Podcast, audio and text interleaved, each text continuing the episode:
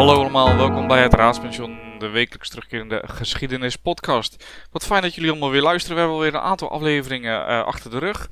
Uh, maar we gaan gewoon vrolijk door in dit nieuwe seizoen. En vandaag geen gast, dus ik doe het alleen. En we gaan het hebben over de televisie. Want 2 oktober 1951, om kwart over acht precies, was de eerste uitzending op de Nederlandse televisie. Het was een soort uh, ja, tv-spel Geregisseerd door Willy van Hemert. En er was al gelijk commotie in dat anderhalf uur durende televisiespel. Wat was er namelijk aan de hand? Er was een 11-jarig jongetje en dat zag de arbeidsinspectie. Die ging erheen, maar ja, helaas was de studio was helemaal... Ja, waar uitzinnige menigte was daar om helemaal blij om te vieren natuurlijk dat het de eerste televisieuitzending was. Uh, dus de inspecteurs konden niks doen.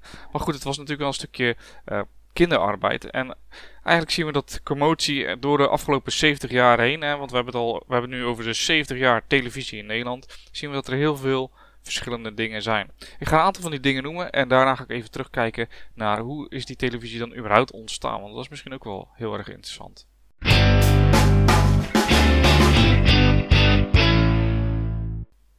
Ja, we hebben het net al gehad over een stukje commotie, over een 11-jarig jongetje. Maar er waren nog veel meer momenten van commotie. Je zult ze misschien wel op tv hebben gezien al, dus ik ga niet er super lang bij stilstaan. Ik noem er gewoon een aantal interessante. En wat we vooral terugzien is dat naakt op tv vaak tot kamervragen leiden. Zo ook uh, met de eerste blote borsten van Phil Bloom. En we hebben het wel eens benoemd in deze podcast, misschien kun je het nog herinneren. Het ging om het uh, VPRO jongerenprogramma Hoepla. En uh, kunstenaar Phil Bloom, een rondborstige dame. Die loopt gehuld in, slechts een slinger van nepbloemen door het beeld. En dat levert uh, ja, veel tumult op. Um, in de tweede aflevering zit zij achter een krant en leest zij uh, de reacties voor. En op het moment dat ze de krant laat zakken, zie je haar uh, borsten verschijnen. En dit levert zelfs kamervragen op. En ook in Amerika hebben ze het erover. Maar geloof het of niet, het journaal begon met te bloot. In 1956 namelijk begon het NTS-journaal. En aan het NTS-journaal werkten alle omroepen aan mee. En in de leader van het NTS-journaal zat een ja, ballerina en die was te bloot volgens de NCRV. Als we even doorgaan op het stukje bloot en naakt en seks, dan zien we dat in 1974 voor het eerst het woordje neuken wordt uitgesproken. Het gaat in het programma Open Bloot en het is het eerste Nederlandse programma dat gaat over seksuele voorlichting. En de presentator Joop van Tijn spreekt daarbij ja, het legendarische woord neuken uit. Ook hier weer Kamervragen en de SGP wil zelfs dat het programma verboden wordt. In 1982 doet Veronica nog een schepje erbovenop en die zendt voor het eerst de seksfilm Emmanuel uit op primetime. Nou, heel veel commotie uiteraard, ook weer Kamervragen. In 1990 komt Veronica met de Pin-Up Club waar Wendy van Wanten, uh, ja, wel van Wanten wist. Want ze moest vele brieven, pikante brieven moesten voorlezen, uiteraard in schaars geklede kleding. Menno Boeg deed er ook nog een schepje bovenop hè, met zijn seks voor de boeg. Waarbij er hele rare, vreemde, ja, hoe moet je ze noemen? Seksuele voorkeuren werden uitgesproken en uiteindelijk ook uitgevoerd. Ja, van een beetje blote borst op tv ligt niemand meer wakker. En tegenwoordig gaat het zelfs zover dat er natuurlijk allerlei datingprogramma's zijn in het naakt. Hè? Zoals uh, in Undressed for Love in 2018. En dan heb je natuurlijk ook programma's zoals Adem zoekt Eva. Of denk aan de wat plattere ja, vermaak wat, uh, waar ik persoonlijk niet zo van houd. Zoals uh, The Villa of uh, Temptation Island of dat soort zaken. Waarbij natuurlijk ook ja, soms wel eens rare dingen gebeuren. Zo zijn er nog een aantal bijzondere tv-momenten. Denk daarbij aan Iggy Pop die bijvoorbeeld in 1977 het, de set sloopt van het programma Top Pop. Of denk natuurlijk aan Bart de Graaf die in 1999 als een echte kwajongen een baksteen door de ruit van een tankstation gooit. En daarna de politie belt en de politie opwacht. En wat dacht je van de in 2007 uitgezonden grote donorshow? Waarbij uh, een ongeneeslijk zieke Lisa, die lijdt aan een hersentumor, uit drie nierpatiënten moet kiezen om daaraan haar uh, nier te geven. Uiteraard blijkt achteraf dat het uh, ja, fake was. Het was opgezet om meer aandacht te vragen voor donor, om donor te worden. Ja, dan heb je natuurlijk nog Joran van der Sloot die bekend. Je hebt de boobies van Eva Jinek. Je hebt 2,5 week na Charlie Hebdo, Tarek Z, die de journaalredactie binnenvalt. En meer recentelijk hebben we natuurlijk uh, een stukje Femke Louise, die uh, superveel respect heeft voor corona. En uh, Diederik Gommers die haar uitlegt waarom ze zich wel moeten houden aan de regels. Ja, en als laatste hebben we natuurlijk de commotie om het programma Gewoon Bloot, waarbij mensen vertellen over hun naakte lichaam aan de hand van vragen van kinderen. Ook daar wil de SGP weer vanaf. Maar goed, al dit moois zouden we natuurlijk niet kunnen zien zonder een televisie. En hoe, waar komt die televisie vandaan? Wat, wat is de geschiedenis van de televisie? Wie heeft hem uitgevonden? Wat is erachter? Nou, dat ga ik je nu vertellen.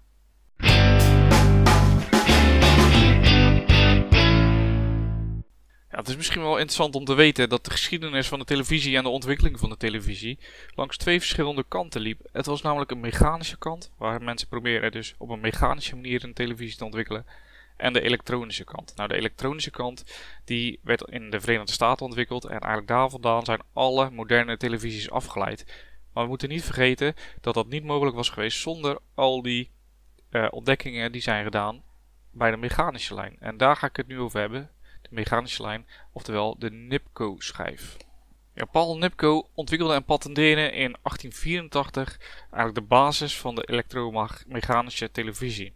En ja, ik zal het proberen uit te leggen. Ik ben geen natuurkundige of uh, scheikundige, dus ik hoop dat jullie het begrijpen. Oké, daar gaan we.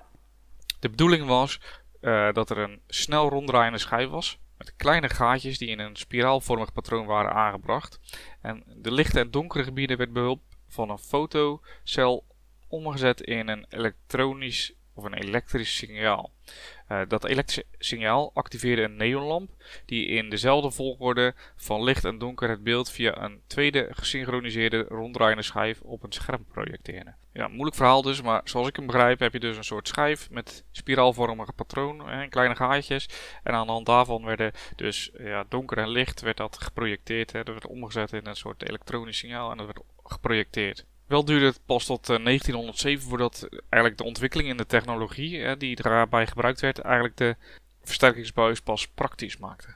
Ook in de Sovjet-Unie waren ze bezig om uh, een, ja, een, soort televisie te ontwikkelen. En dat werd gedaan door Leon Termin.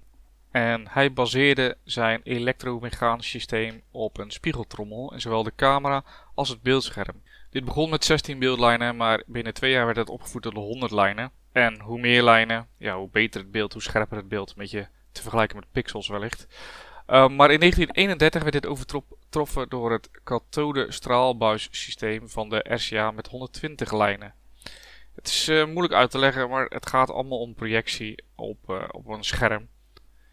In de periode van 1907 tot 1910 toonde Boris Rozing en zijn student Vladimir Zworking een systeem aan met een kathodestraalbuis en een spiegeltrommelscanner. En die kathodestraalbuis dat moet je zien als een vacuümbuis, waar met behulp van een elektronenbundel op het fluoriserende uiteinde het beeld wordt geprojecteerd. Ja, zoals ik al zei, ik ben geen natuurkundige of scheikundige, dus eh, ik hoop dat jullie er eh, meer pap van kunnen maken als dat ik het kan. Het gaat er in ieder geval om, om projectie. In 1917, uh, tijdens de revolutie, verdween Rozing. Maar Zworykin, zijn student, die ging later voor de SCA werken, de Radio Corporation of America. En die heeft uiteindelijk daar ook de eerste echte televisie, elektronische televisie gebouwd. Een ander uh, semi-mechanisch analoog televisiesysteem werd uh, getoond in Londen in 1924 door John Logie Baird. En dat is een uh, Schotse ingenieur.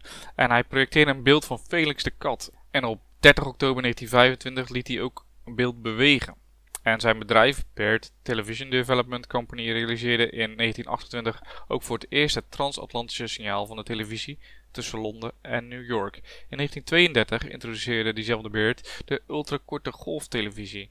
En hoewel al die ontdekkingen van zowel Nipco, Rosing en Baird gewoon super vet waren en leidden eigenlijk tot de eerste televisie, was in 1934 al al dat techniek wat daarin gebruikt werd, was al verouderd. En ook al die technieken worden niet meer gebruikt in de tegenwoordige televisies.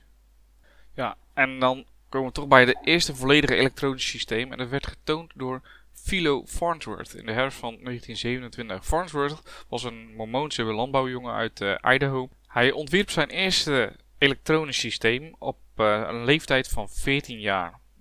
Hij besprak dit idee met zijn leraar en die leraar die zag geen reden waarom het systeem eigenlijk niet zou werken. Hij zou ook later, uh, Farnsworth zou ook later die leraar crediteren. Hè? Dat was Justin Tolman. Als uh, het verstrekken van zeer belangrijke inzichten in zijn uitvinding.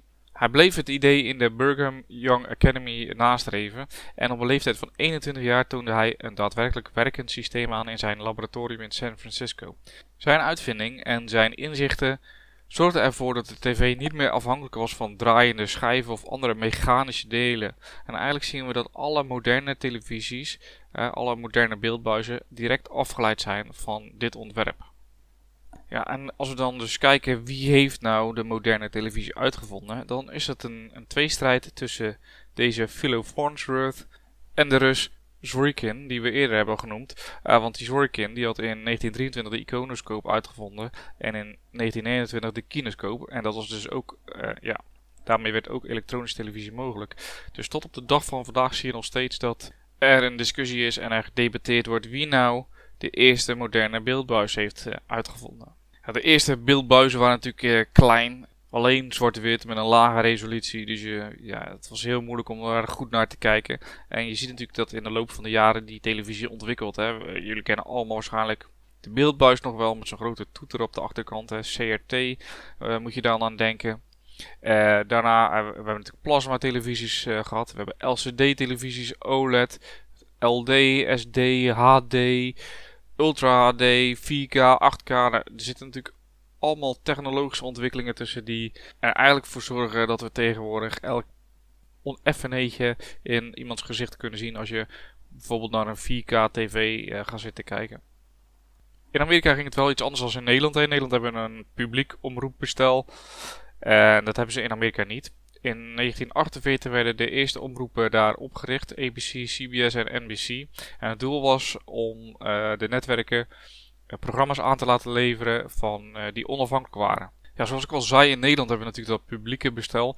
En uh, we hebben het net gehad over de eerste uitzending in Nederland in 1951, 2 oktober 1951. En de zender waarop het uitgezonden werd, kreeg, ja, een beetje inspiratieloos misschien, de naam Nederland 1. En dat heeft het tot 19 augustus 2014 gehad. En in 2014 werd het NPO 1. Nou, zoals jullie misschien weten, uh, na de Tweede Wereldoorlog hè, Nederland behoorlijk. Hè, was natuurlijk voor de Tweede Wereldoorlog, maar na de Tweede Wereldoorlog zette dat gewoon door. E echt dat verzuilde systeem.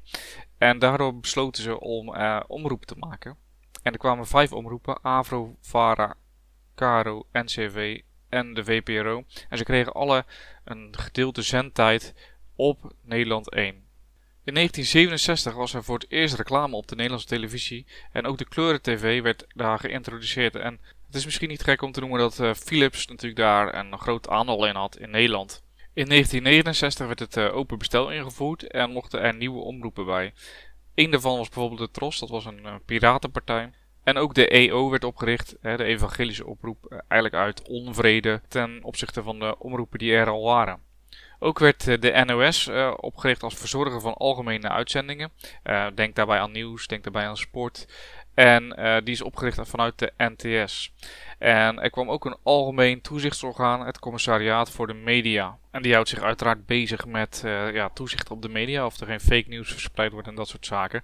Nou zullen mensen waarschijnlijk in deze tijd daar uh, vraagtekens bij stellen. Maar goed, ik doe dat, ik doe dat in ieder geval niet. Ik denk niet dat er veel fake news is. Maar goed, laten we dat even, laten we het daar maar niet over hebben.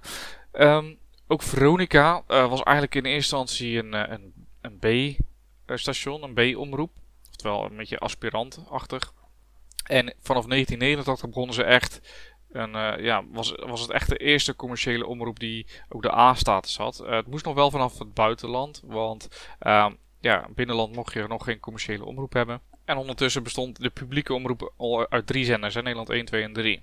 In 1992 werden er binnenlandse commerciële omroepen toegestaan uh, denk daarbij aan RTL 4, RTL 5, uh, SBS, uh, Veronica, nou, dat soort zaken. Ja, je, kent ze wel, ze zijn nu vaak nog op tv. Er zijn natuurlijk ook wel een aantal die zijn weer afgevallen uiteraard. En dit allemaal werd verzonden via de kijkkabel. Nou, je kent het misschien wel, het gekke ronde, ronde ding met een mannetje en een vrouwtje. En ja, gelukkig hebben we tegenwoordig allemaal digitale televisie. Dat kan via netwerkkabels, dat kan via de... Um, de glasvezelkabels. Eh, kwaliteit is veel groter. Snelheid uh, is veel hoger. Je hebt veel meer keuze uit zenders. En uh, sommigen zullen misschien zeggen te veel keuze. Dat weet ik niet. Maar je hebt in ieder geval keuze genoeg. De keuze is reuze. Voor ieder wat wils. En eigenlijk zien we ook dat die digitale televisie en digitale radio ook. Eigenlijk vooral de digitale televisie moet ik zeggen. Sinds 2006 ook niet meer analoog te verkrijgen is als signaal uit de, uit de lucht. Dus als met een antenne en een televisie kan je geen televisiesignalen meer oppikken. Ja, en dan is de vraag eigenlijk een beetje, waar gaat de televisie heen? wat is de toekomst van de Nederlandse televisie? Voorlopig hebben we natuurlijk Ziggo, uh, die kabeltelevisie aanbiedt. We hebben kanaal digitaal, uh, die via de satelliet het aanbiedt. We hebben natuurlijk KPN, Access for All, Vodafone.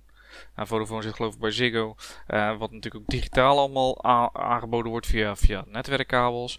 Ja, wat is de toekomst? Als we kijken, uh, als ik heel eerlijk ben, de streamingdiensten die beginnen de overhand te nemen. Denk daarbij aan Netflix, denk daarbij aan Videoland, aan Disney+. Plus. Ja, dus is de toekomst, is dat nog wel de statische televisie die we nu kennen? Is dat nog wel een zender opzoeken en dan eigenlijk kijken wat je voorgeschoteld krijgt? Ik denk het niet, als ik heel eerlijk ben. Als ik kijk naar mijn kinderen, als ik kijk naar mezelf tegenwoordig ook al. Ik kijk nog heel weinig echt wat er op tv komt. Ik kijk wel eens een keer het journaal en misschien een keer, uh, nou zelfs heel Holland Bak kijk ik terug op NPO uh, Start. Dus ja, je, je, kijkt alles al via de streamingdiensten. Dan heb je natuurlijk ook nog YouTube waarop uh, mensen kanalen hebben waarbij beelden worden getoond, waarbij je een soort van live uitzendingen kunt doen. Ik denk dat uh, de statiestelevisie die we kennen, met de televisiekanalen die we kennen, steeds minder gaan worden en dat er steeds meer streaming aangeboden gaat worden. Um, ook, ook zenders, hè. Uh, zoals ik al zei, als we kijken naar NPO Plus of Videoland, daar kan je al live televisieprogramma's kijken. Daar kan je ook programma's terugkijken. En waarom, hè, wees nou eerlijk, waarom zou je per se op de bank gaan zitten om half negen om iets te kijken, terwijl je dat ook kan kijken op een ander moment? Uh, of waarom ga je het kijken met allemaal reclames tussendoor als we even kijken naar de publieke omroepen of de commerciële omroepen. Hè, overal reclames tussen om het kwartier. Ik word er helemaal gek van. Um, dus ja, hè, alleen uh, zaken zoals sportwedstrijden, dat zou waarschijnlijk wel uh, op kanalen blijven. Goed, het is allemaal koffiedik kijken natuurlijk. Maar ik denk dat het, uh, dat het televisie, als, als, zoals we dat nu nog kennen. en eigenlijk is dat al een beetje zo, is dat aan het veranderen van live kijken op televisie op een kastje. Naar kijken op, op streamingsdiensten. Ja, dus dat is natuurlijk interessant. Ik vind het heel interessant om te zien. Dat, misschien dat we over 20 jaar in de geschiedenisboeken terugschrijven dit was de laatste uitzending via een, uh, een televisiekastje of iets dergelijks. Ja, dan zijn we aan het einde gekomen van deze aflevering. Heel veel informatie, natuurlijk verschillende televisiemomenten gehad. We hebben de geschiedenis van de tv behandeld en een beetje een stukje toekomst van de tv. Ik hoop dat je het interessant vond. Ik hoop dat je het leuk vond. Heb je nou nog vragen, heb je nou nog opmerkingen of andere zaken? Vind mij dan op uh, een van de kanalen. Uh, Facebook, Instagram, TikTok, uh, Snapchat. Uh, ik ben overal te vinden. Of stuur gewoon een mailtje ouderwets naar geschiedenis.paulushistoricus.nl En dan behandel ik jouw vraag in, in de uitzending. Hartstikke bedankt voor het luisteren. Ik hoop dat jullie volgende week weer luisteren. En dan wens ik jullie verder nog een fijne werkweek toe. En tot de